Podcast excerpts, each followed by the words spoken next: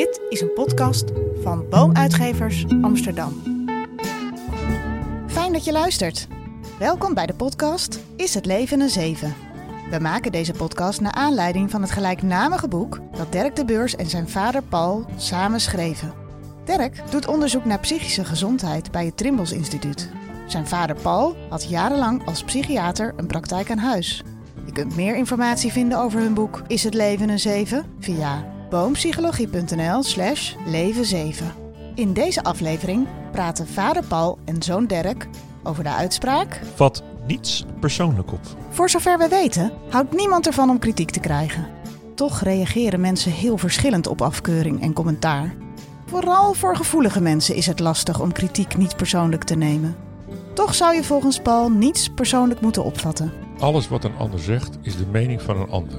Het is goed om het aan te horen, maar het zou, en dat is natuurlijk het proces waar je naar moet werken, niet wezenlijk van invloed moeten zijn op wat je van jezelf vindt. De uitspraak vat niets persoonlijk op komt uit een spirituele bestseller van een Mexicaanse chirurg, waarin vier inzichten centraal staan die aan hem overgeleverd waren via zijn voorouders. De Tolteken. Ik heb stellig de overtuiging dat uh, we als mensen, en dat hadden de Tolteken, die gingen dus op een bepaalde vreedzame manier met elkaar om. Dus dat was een hogere graad van samenleving met elkaar. En ik denk als we dat, die vier inzichten wat zouden gebruiken nu in de maatschappij, dan zouden we het veel beter met elkaar kunnen hebben. De uitspraak in deze aflevering heeft ook veel te maken met angst. Die kan zich op heel veel manieren uiten. En dat werkt bij iedereen weer anders.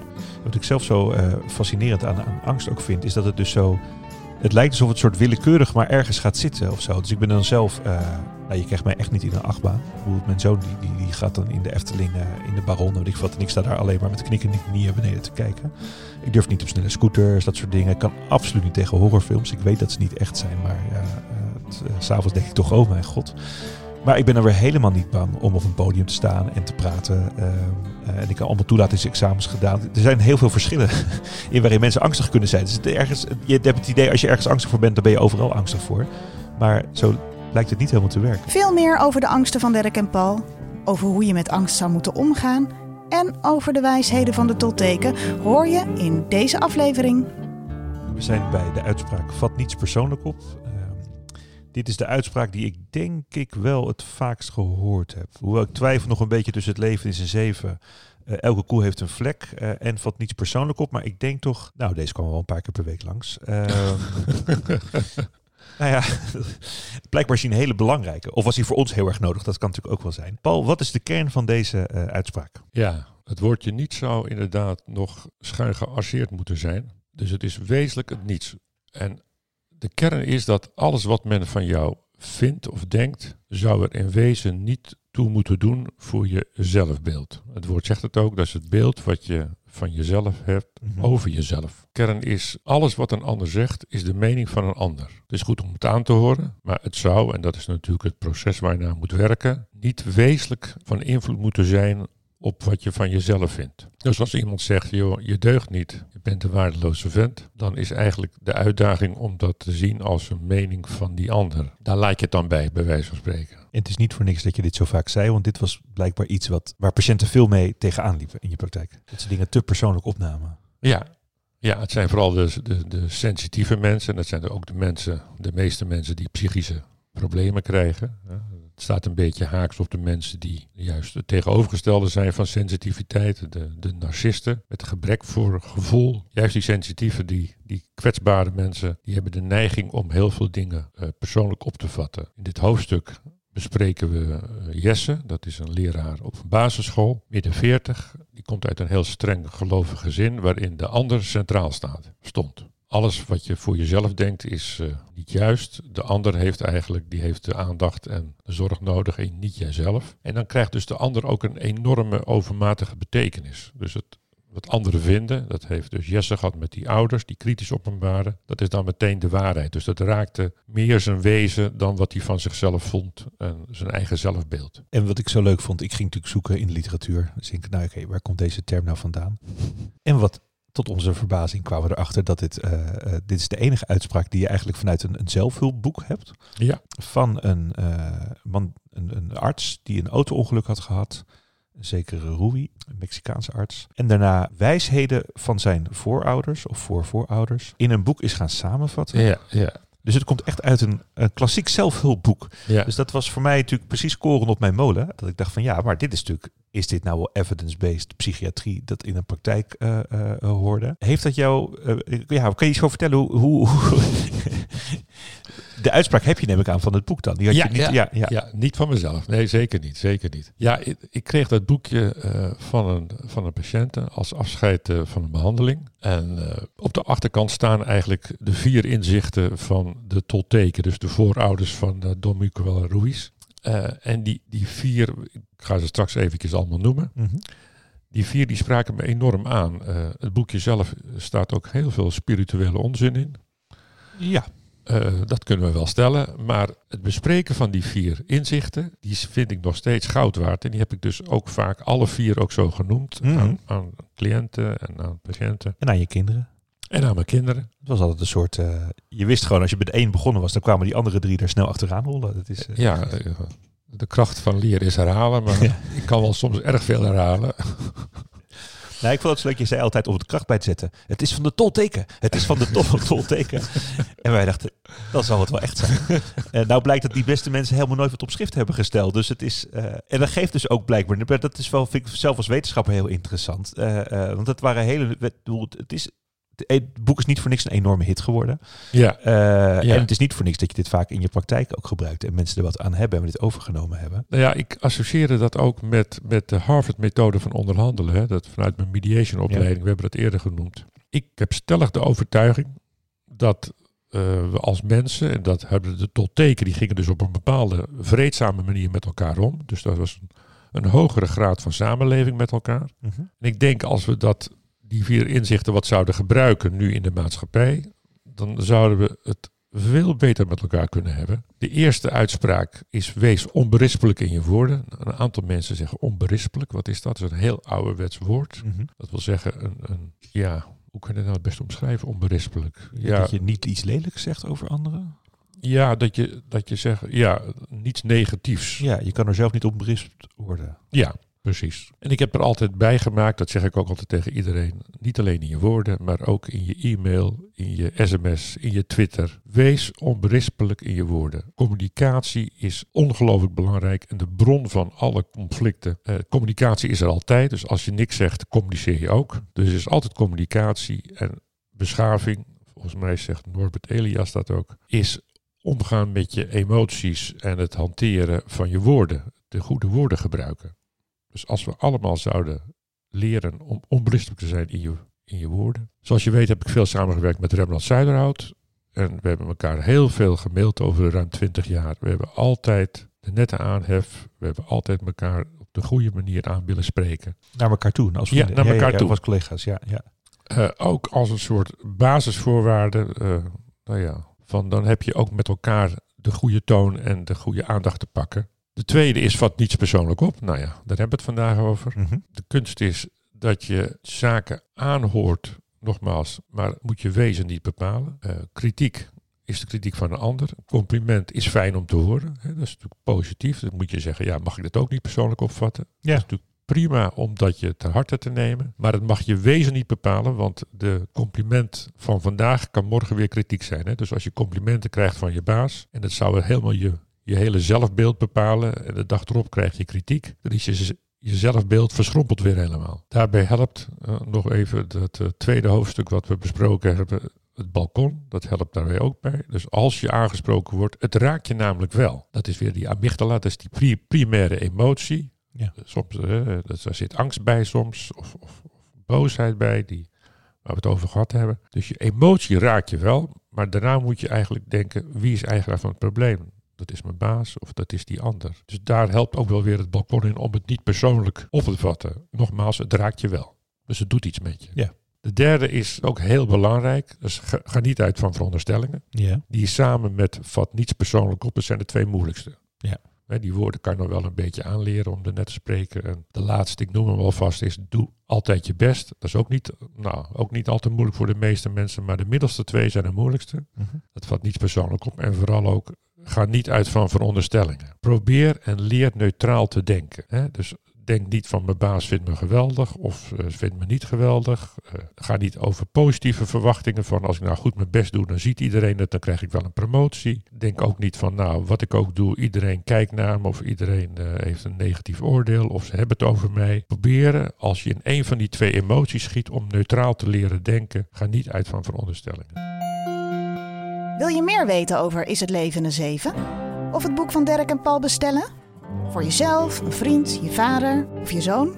Ga dan naar boompsychologie.nl slash leven 7. Ja, want die twee hangen natuurlijk enorm met elkaar samen. Dat zie je in onze casussen ook. Dus, dus Jesse neemt het kritiek van, van de, de ouders van de leerlingen die hij geeft persoonlijk op. Ja. En gaat dus ook uit van de veronderstelling dat ze hem wel een minkunkel zullen uh, vinden. Ja, en dat ze een... Uh zijn directeur van de basisschool waarschijnlijk denkt van je dysfunctioneert en Ja. ik ga je ontslaan. Dus Ja. je krijgt ook een angst voor ontslag. Ja, nou ja, dat vind ik het, het, interessante aan deze casus. Dit is eigenlijk eh, een van de, de, de casussen die het meest over angst gaat. En over een automatische reactie, eh, een angstige reactie eigenlijk, Ja. op wat mensen zeggen. Ja, En, en eh, het gaat vooral eigenlijk altijd toch veel, in, ook in de literatuur en ook op tv, over depressie. Terwijl angst eigenlijk misschien nog wel vaker voorkomt. Dus hoe, hoe, hoe, hoe zag je dat verschil in je praktijk tussen angst en depressie en die samenhang? Kun je er iets over zeggen? nou ja, angst is natuurlijk een eh condition humain. Hè. Het, is, het, het zit gewoon in de mens. Ja. Zonder angst eh, kunnen we niet leven, want dan streken we, steken we zomaar de straat over. En het is een van de meest basale emoties die er zijn en gaat voorbij elke gedachte. Dus angst hoort bij het leven. Dat moet je goed eh, durven te voelen ook, waar je bang voor bent. En, en, en ontken dat niet. Ontken Ja. eh, ook niet eh, de woede waar we het over gehad hebben, maar ook niet de angsten die er zijn. Volgens mij is de prevalentie ook van angststoornissen iets groter dan van depressie. Ja. Depressie is ook een containerbegrip. Hè, dat is natuurlijk een soort. Maar depressie is toch echt iets wat buiten het normale zijn van de angst is. Hè? Wat, wat je in mensen, wat gewoon de mensheid heeft. En is dan een soort angst een soort voorstadium voor depressie? Zou je het dan zo voor het portaal? Of heb je ook dat mensen van een depressie angstig worden? Dat zie je heel vaak. Dat, Ja. kan, dat is bijna, tenzij je zo geïnhibeerd bent door de depressie dat je helemaal eh, verstijft. Maar eigenlijk hoort het bij, bij een depressie hoort eigenlijk altijd angst. Ja. Het is niet zo dat elke angst, angststoornis tot een depressie leidt. Je hebt gewoon mensen met een paniekaanval die alleen maar een paniekstoornis hebben. Of een sociale fobie. eh, mensen met angst om eh, op te treden. Die ontwikkelen heus geen depressie. Dus het is niet zo. Maar bij elke depressie Zit hoort eigenlijk wel angst. Ja. En dat is weer een andere dan... eh, wat nog erger is, is de psychotische angst. Ja, ja, ja. ja. Dat is er, zo ernstig dat je geen controle hebt. We hebben het in de vorige podcast over controle gehad. Eh, als je geen controle hebt over je denken, over je voelen, over je willen, dat is zo afschuwelijk naar gevoel. Als de patiënten erover praten, als ze uit de psychose zijn, ja, dat je geen controle hebt. Sommige mensen kennen dat een beetje als ze een delier hebben gehad. Mhm. Wat is een delier? Een delier, dat is een, een toestand van verminderd bewustzijn en met motorische onrust. Je vindt het bij koorts, je vindt het na een operatie soms, dat mensen in een delier schieten. Dan zien ze allerlei de engste beelden. eh, de, de- en dat is zo bedreigend en dat is zo angstig, omdat je totaal geen controle hebt. Maar die zag je natuurlijk relatief weinig in je praktijk. Dat klinkt als iets een zeldzamer beeld. In mijn praktijk weinig, behalve de echte psychotische depressie Ja. en de manisch-depressieve psychose. Maar dat was toch een ander beeld. Maar in mijn werkzame leven, ik heb zeven jaar op de opnameafdeling gewerkt en op de chronische afdeling. Heel veel psychotische mensen gezien. Ja. En dat zijn indrukwekkende beelden. Waar, eh, ik heb een, een- ik weet nog wel, een collega gehad, een arts. En die was net bijna arts en die werd psychotisch. En die had het gevoel dat hij, als hij aan de bedrand met zijn hand zat, dat hij vervloeide met het ijzer. Nou, dat was zo angstig. Uiteindelijk heeft die eh, man zich gesuicideerd omdat hij eh, besefte van ja, met, met, deze, met deze angst kan ik niet leven. Als dit steeds terugkomt en het overweldigt me of ik mijn hele leven moet pillen slikken en dik word, et cetera. En eh, heb daarna nog zijn ouders gesproken een hele tijd. Ja, toch proberen om er vrede mee te vinden met, met zo'n enorme trieste afloop eigenlijk, die wel heel begrijpelijk is. Want het is een, echt een opdracht om met aanvallen van psychotische angst te moeten leven. Ja, ja. En eh, met Jesse was het niet zover. Eh, die had Nee, toch zeker een, niet. Een, een, een, een mildere klachten. En was dat ook dan makkelijker te behandelen? Eh, als, als mensen gewoon dus met sociale fobie komen, als je zegt dat dat dus ook zonder depressie kan, als je die in je praktijk zag? Sociale fobie is over het algemeen ook niet makkelijk te behandelen. Niet makkelijk, nee. Nee, omdat er, is- natuurlijk een soort endogene component en dus een, een, een, een eigenschap van mensen waarin ze wat de neiging hebben om uh, verlegen te zijn of moeite hebben om zich te presenteren in het openbaar. Bij Jesse was het wel lastiger omdat er zat natuurlijk een hele uh, geschiedenis aan van zijn jeugd en van nou, de ander is belangrijker dan ik zelf. En de mening van anderen is, uh, is, is belangrijker dan mijn, dan mijn eigen mening, om maar zo te noemen. Uiteindelijk is het goed afgelopen omdat hij, uh, nou, hij, hij, besefte wel dat het maar de mening was van een ander. En hij, zijn directeur, hij moest vragen van mij en zijn directeur hoe hij nou over hem dacht. En, en, of er nou reden was tot ontslag. Had jij de directeur van tevoren even ingefluisterd? nee, nee. Van doe een beetje mild voor deze man, ja. anders dan uh, zit ik nog in jou. Zeg hem nou niet te waar. Zeg hem nou niet. Uh, nee, dat was dus, dat viel natuurlijk ja, allemaal. Ja. ja. Nee, dat viel ontzettend mee. Dat was een opluchting. Dus ja. het was wel weer een bewijs hoe belangrijk die ander voor hem was. Ja. Maar... Maar wat ik lastig vind, want je, want je vormt ook wel je eigen beeld in interactie met anderen. Dus Zeker. dat vind ik nog wel ingewikkeld als je dus dingen niet persoonlijk moet nemen. En je moet dus niet je eigen beeld laten veranderen. Maar of geldt dat dan niet voor je ouders of zo? Of dat je dan dat je wel dingen persoonlijk van je ouders of je geliefde neemt? Of dat daar zit ik nog in te zoeken. Want je... Nou ja, het is natuurlijk belangrijk voor het maken van je eigen kern. Dat je natuurlijk wel de dingen van je ouders eh, overneemt. Ja. Wat je vooral natuurlijk probeert te voelen van je ouders is begrip van onvoorwaardelijkheid. Dat als jij een keer boos bent als kind of als je bent uh, angstig, dat je niet afgewezen wordt, ontkend wordt. Dus dat alles wat je voelt, ja. of waar je bang voor bent, dat dat er mag zijn. Dan kan je dat beter leren hanteren. Ja. Dus die ander moet vooral de veiligheid bieden. En, en het is natuurlijk zeker goed om dingen te hard te nemen van andere mensen. Want ja, we hebben het, het, het spreekwoord eerder genoemd. Je kan wel de, de, splinter zien in de, in de ogen van de ander, maar niet je eigen balk. Ja. Dus je hebt wel die ander nodig voor de reflectie van jezelf, maar dat is meer voor het, het opbouwen van jezelf. Maar het fundament ja. moet je proberen dat het van jezelf is. Dat de ander mag er een mooi likje verf aan het gebouw doen en nog een keer een andere, andere mag meehelpen bouwen, maar het mag niet je fundament. En daarom is natuurlijk die, die vroege jeugd qua veiligheid belangrijk. Ja. Er moet een bepaalde zekerheid zijn. En sommige behandelingen duren ook langer om mensen weer een stuk veiligheid en fundament terug te geven. Ja, want zag als ik de, de, de literatuur dan rond, uh, ik zit natuurlijk heel veel in die suïcidepreventie, als ik de literatuur zie, de, heel veel uh, mensen met chronische suicidaliteit, die hebben een onveilige hechting gehad. Ja. Dus zag je dat ook veel in je praktijk, dat, de mens, dat er veel mensen waren die toch in de kern, in dat fundamentele vertrouwen geschaad waren vroeger? Oh ja, absoluut. Ja. Absoluut. En dan als dat zich herhaalt later met een werkgever, en, Ja. en dan, dan is er een soort retraumatisering. En een van de dingen die je dan moet doen is een soort ja, herstel van vertrouwen. En dus dan is het ook belangrijk om het langere tijd vol te houden met iemand. Ja. En alles ook te verdragen, ook van mensen. Dat ze, dat ze niet opschieten of dat het niks wordt, die behandeling zo. En waarom kom ik eigenlijk? En dat zijn, zijn, soms zijn dat testen in je loyaliteit. Ja, ja. Dus dan, dan zijn natuurlijk gewend vanuit hun ouders om afgewezen te worden Ja. een tijdje. En dan gaan ze dat op jou lopen Ja, testen. ze dagen je enorm soms uit om, je, om hun af te wijzen. Omdat is dat, dat is hun veiligheid. Lekker Dat de ander niet te vertrouwen is. Ja. Het is gewoon, Dawson is een eh, man, de behandeling van de borderlines, die zegt altijd, whatever you do, whatever you want, I won't change my policy. Dus je moet zelf als therapeut gewoon altijd dezelfde zijn. Ja, ja, Je ja. moet altijd voorspelbaar Ja. zijn. En dat is de opdracht die ik me ook altijd heb voorgenomen. Eh, onvoorwaardelijkheid. Ook, ook eerlijk zijn als ik iemand niet zou kunnen helpen. Of doorsturen. Ja. Ik heb heus mensen doorgestuurd waarvan ik ook zei van nou, uw problematiek, dat het is voor mij te lastig eh, in, in ernstige dwangpatiënten. Ik heb wel gewerkt op een afdeling met dwangstoornissen, maar ik deed niet specifiek die behandelingen. Dat, ik was meer de psychiater van de, van de afdeling. Wat ik zelf zo eh, fascinerend aan, aan angst ook vind, is dat het dus zo. Het lijkt alsof het soort willekeurig maar ergens gaat zitten of zo. Dus ik ben dan zelf. Nou, je krijgt mij echt niet in een achtbaan. Bedoel, mijn zoon die, die, die gaat dan in de Efteling, eh, in de Baron, weet ik wat. En ik sta daar alleen maar met knikkende knieën beneden te kijken. Ik durf niet op snelle scooters, dat soort dingen. Ik kan absoluut niet tegen horrorfilms. Ik weet dat ze niet echt zijn, maar het, eh, s'avonds denk ik toch, oh mijn god. Maar ik ben er weer helemaal niet bang om op een podium te staan en te praten. En ik kan allemaal toelatingsexamens gedaan. Dus het lijkt dan zo alsof angst. En want andere mensen hebben dit namelijk wel. Die, zijn, die durven wel een achtbanen, maar die durven we niet voor, voor eh, eh, mensen te spreken. Dus het lijkt alsof het gewoon. Er zijn heel veel verschillen in waarin mensen angstig kunnen zijn. Dus het ergens, je hebt het idee, als je ergens angstig voor bent, dan ben je overal angstig voor. Maar zo blijkt het niet helemaal te werken. Nee, je hebt mensen wel met een generaliseerde angststoornis, noemen we dat. Ja. Die maken zich zorgen over alles en overal een beetje bang voor. Die zijn dus en bang voor achtbanen en bang voor horrorfilms. En Ja. durven niet te spreken in het openbaar. Ja, die zijn overal zien ze eigenlijk beren op de weg en spinsels in hun hoofd. Ja. En, en eh, pan, paneurotische angst noemden ze dat vroeger. Mhm. Ja, kijk, ik herken zo ongelooflijk je moeder in jou. Want die, kon ook, die kan ook enorm goed optreden. En het is echt niet iemand die in een achtbaan gaat zitten. Nee, of- dat is en die is waar. ook helemaal niet dol op autorijden. Nee. en dat ben jij ook op ook- zich ook niet. mijn je kan het prima, maar en zij ook wel. Maar het is echt niet haar hobby. Dus Nee. als het even niet hoeft, dan doet ze het liever niet. Om maar Ja. zo te noemen. Ja.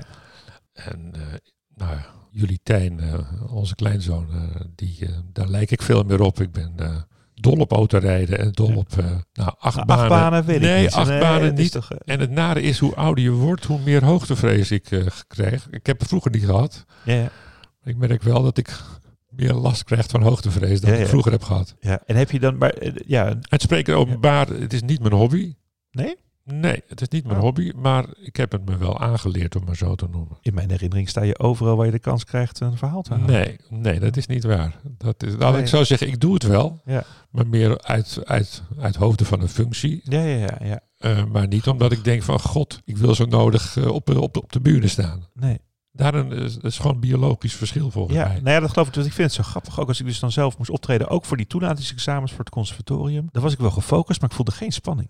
En ook als ik de grote optredens moest doen, dat is alleen maar een soort adrenaline om het te doen. Terwijl het merendeel natuurlijk denkt van... En dan durf ik dus niet dan in zo'n achtbaan. Dan denk ik, hè, hoe werkt dat? Ja. dan? Dat is een rare... Ja, nee, maar je moeder speelde vroeger. Nou, je kent je moeder, dat is echt iemand die eh, de, de bescheidenheid zelf is. Ja. Maar op school zit ze, sprak ze alle, speelde ze alle hoofdrollen eigenlijk. Ja, ja. En eh, nou ja, ze kan heel goed zingen, dus eh, met openingen en voorstellingen, nou, dan staat ze gewoon op de bühne. En dan heeft ze ook een enorme performance. Ja, ja. Terwijl het verder van nature. Een, eh, En zag je dus ook alle smaken angst dan in je praktijk komen? Dat je daar mensen... Of Alle- was het altijd toch wel weer... nou ja, nogmaals, ieder mens is angstig. Ja. Op zich hebben we natuurlijk allemaal, we lijken allemaal op elkaar. Alleen de een heeft angst voor dat en de ander heeft angst voor, voor, voor andere dingen weer. Dus je hebt mensen, de, de hypochonders, die natuurlijk voortdurende angst voor ziekte hebben. En één ding wat altijd heel belangrijk is bij angststoornissen, dat de geruststellingstherapie, dat werkt averechts. En daar bedoel ik altijd mee dat iemand die eh, hypo, hypochondrische angst heeft, angst voor ziekte, ehm, hoe vaker die naar de huisarts gaat, hoe angstiger die wordt. Ja, ja. Dus de kunst is om niet de angst voortdurend te vragen. Dus voortdurend vragen van het, eh, het, nou, de, de geruststelling bij de ander. Dat maakt jezelf angstig. En de kunst is om te leven met een stukje angst. Ja. Je kan niet garanderen dat je 100% gezond bent. Ja. En dan, eh, mensen gingen dan naar de huisarts toe. Die hadden een gevoel, ja, ik, eh, ik voel me niet goed. En dan lieten ze onderzoeken. Dan zei de huisarts, nee, het is, het is goed allemaal. Ja, dan denken ze, ja, maar vorige keer zei hij, het is heel goed allemaal. Ja. Hè, dat is denk ik, dus, dus was in de behandeling ontzettend belangrijk om een stuk te- te- cognitief te leren, een stuk angst te verdragen. En eigenlijk, als mens word je dus dan toch misschien wel genetisch eh, geboren met een bepaalde aanleg. Voor angst. Sommige mensen hebben Ja. de- en je moet dus eigenlijk is je uitdaging dan als mens te leren leven met de angsten die je hebt meegekregen. Ja, en dat is eigenlijk natuurlijk altijd zo van het gaat niet om wat je meemaakt of wie je bent, maar hoe ga je beter om met jezelf. Ik moest denken aan, dat was zo'n ontwapenend interview toen met, heb jij ook gezien, met Erik Scherder en Matthijs van Nieuwkerk. Ja, Dan Ja. zie je dus twee mannen, ja, enorm extravert. Die, eh, eentje zit dagelijks voor een miljoenenpubliek op televisie. De Ja. ander die is hoogleraar en die spreekt voor volle zalen. En ze hadden allemaal enorme angsten allebei. ja, ja. En daarin leken ze ook elkaar even te vergeten of de camera's te waren. Want ze waren echt zo, heb jij dat ook? Ik heb het ook. Ja, En het was zo'n ontwapenend eh, eh, stukje film, vond ik dat. ja, ik vond het wel ongelooflijk eerlijk. Ja. Hè, Het maakt het gewoon dat, dat geruststelling voor iedereen, dat succesvolle mensen ook gewoon hun angsten hebben. Ja. Nou ja, want je hebt altijd het idee, hebben we al vaak over gehad, dat de ander er altijd makkelijker door het leven heen fietst. En ook minder angst of minder, weet ik veel wat, minder neuroses heeft. En het was natuurlijk ontwapenend om te zien dat ook deze mannen... Ja, nou, wat ik eerder heb gezegd van, eh, ik heb vaak tegen patiënten ook gezegd van, eh, jullie zouden elkaar eens moeten spreken. En dat is ook Ja. het, een hele functie van groepstherapie. Ja. Je Ja. wordt enorm gerustgesteld in het feit dat we allemaal natuurlijk enorm verschillen en toch allemaal geweldig op elkaar lijken. Ja. En eh, wat belangrijk is met angsten, eh, dat is mijn kreet die ik altijd heb gevoerd, niet forceren, niet vermijden. Ja. Dat is de kunst met angst. Ja. En überhaupt met... Kan je er iets over zeggen? Want die hebben we die ook eigenlijk als uitspraak. Daar hebben we toch naar een andere van gemaakt. Dus het is Ja. wel een belangrijke om even daar in de reservetijd nog even iets over te zeggen. Nou ja, het is, het is eigenlijk wat, wat, wat het zegt. Dat, dat ehm, mensen, wat ik in het begin noemde, mensen met een paniekaanval, die schrikken zo van die paniekaanval, die krijgen angst voor de angst. Ja. Dat gaan ze vermijden, want ze willen niet meer zo'n angstaanval krijgen. Want eh, nou ja, je kan plotseling eh, denken ze van ik ga dood of eh, ik zak in elkaar. Dus ze durven dan niet meer. Dan gaan ze vermijden. Ja. En vermijding geeft angst. Dat geldt ook voor dwangpatiënten. Hoe meer ze controleren, hoe angstiger ze worden. Terwijl ze denken, ik ga controleren, dan ben ik minder angstig. Ja. Nou, dat, moet je, dat is denk ik de cognitieve uitdaging. Dus, hè, de, dus de, de uitdaging in het denken. Dat geruststellingstherapie, wat we net over hadden bij hypochonders of bij dwangpatiënten, dat controleren of het vraaggedrag leidt alleen maar tot meer angsten. Ja. Wat je wel eens deed in de behandeling van mensen met een hypochondrie, die bleven maar van ja, ik heb toch de angst dat ik dat heb. Dan zeg ik nou, laten we afspreken. We gaan het één keer goed onderzoeken, samen met de huisarts. Komt er niks uit, dan hopelijk dat u wil accepteren van mijn kant dat er ook mentale angsten zijn die dezelfde lichamelijke klachten geven. En dat het toch iets, iets mentaals is bij u. En dan gaan we kijken hoe we daarmee om kunnen gaan. En dan deden we dat één keer. Ja. En dan, eh,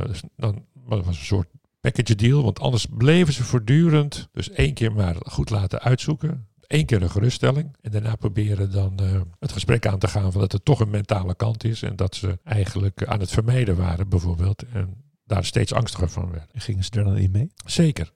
Ja, het is wel mooi dit, dat het boek wat we ook bespreken. ehm we gaan over de, van Randolph Nesse.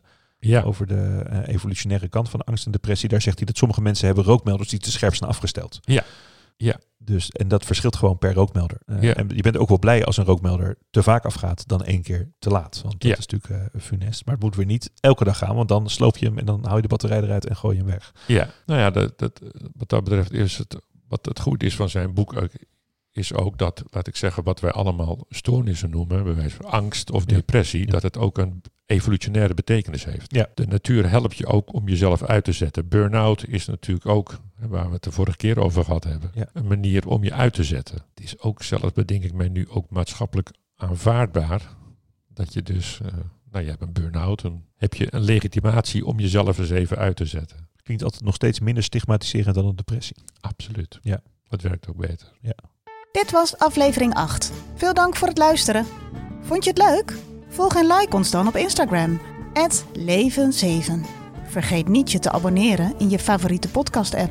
Dan ben je direct op de hoogte als er een nieuwe aflevering online komt. Meer informatie vind je op www.boompsychologie.nl slash leven7. In de volgende aflevering bespreken Dirk en Paul de uitspraak... Gelijk is geen geluk. Over samenwerken in een team. Tot dan!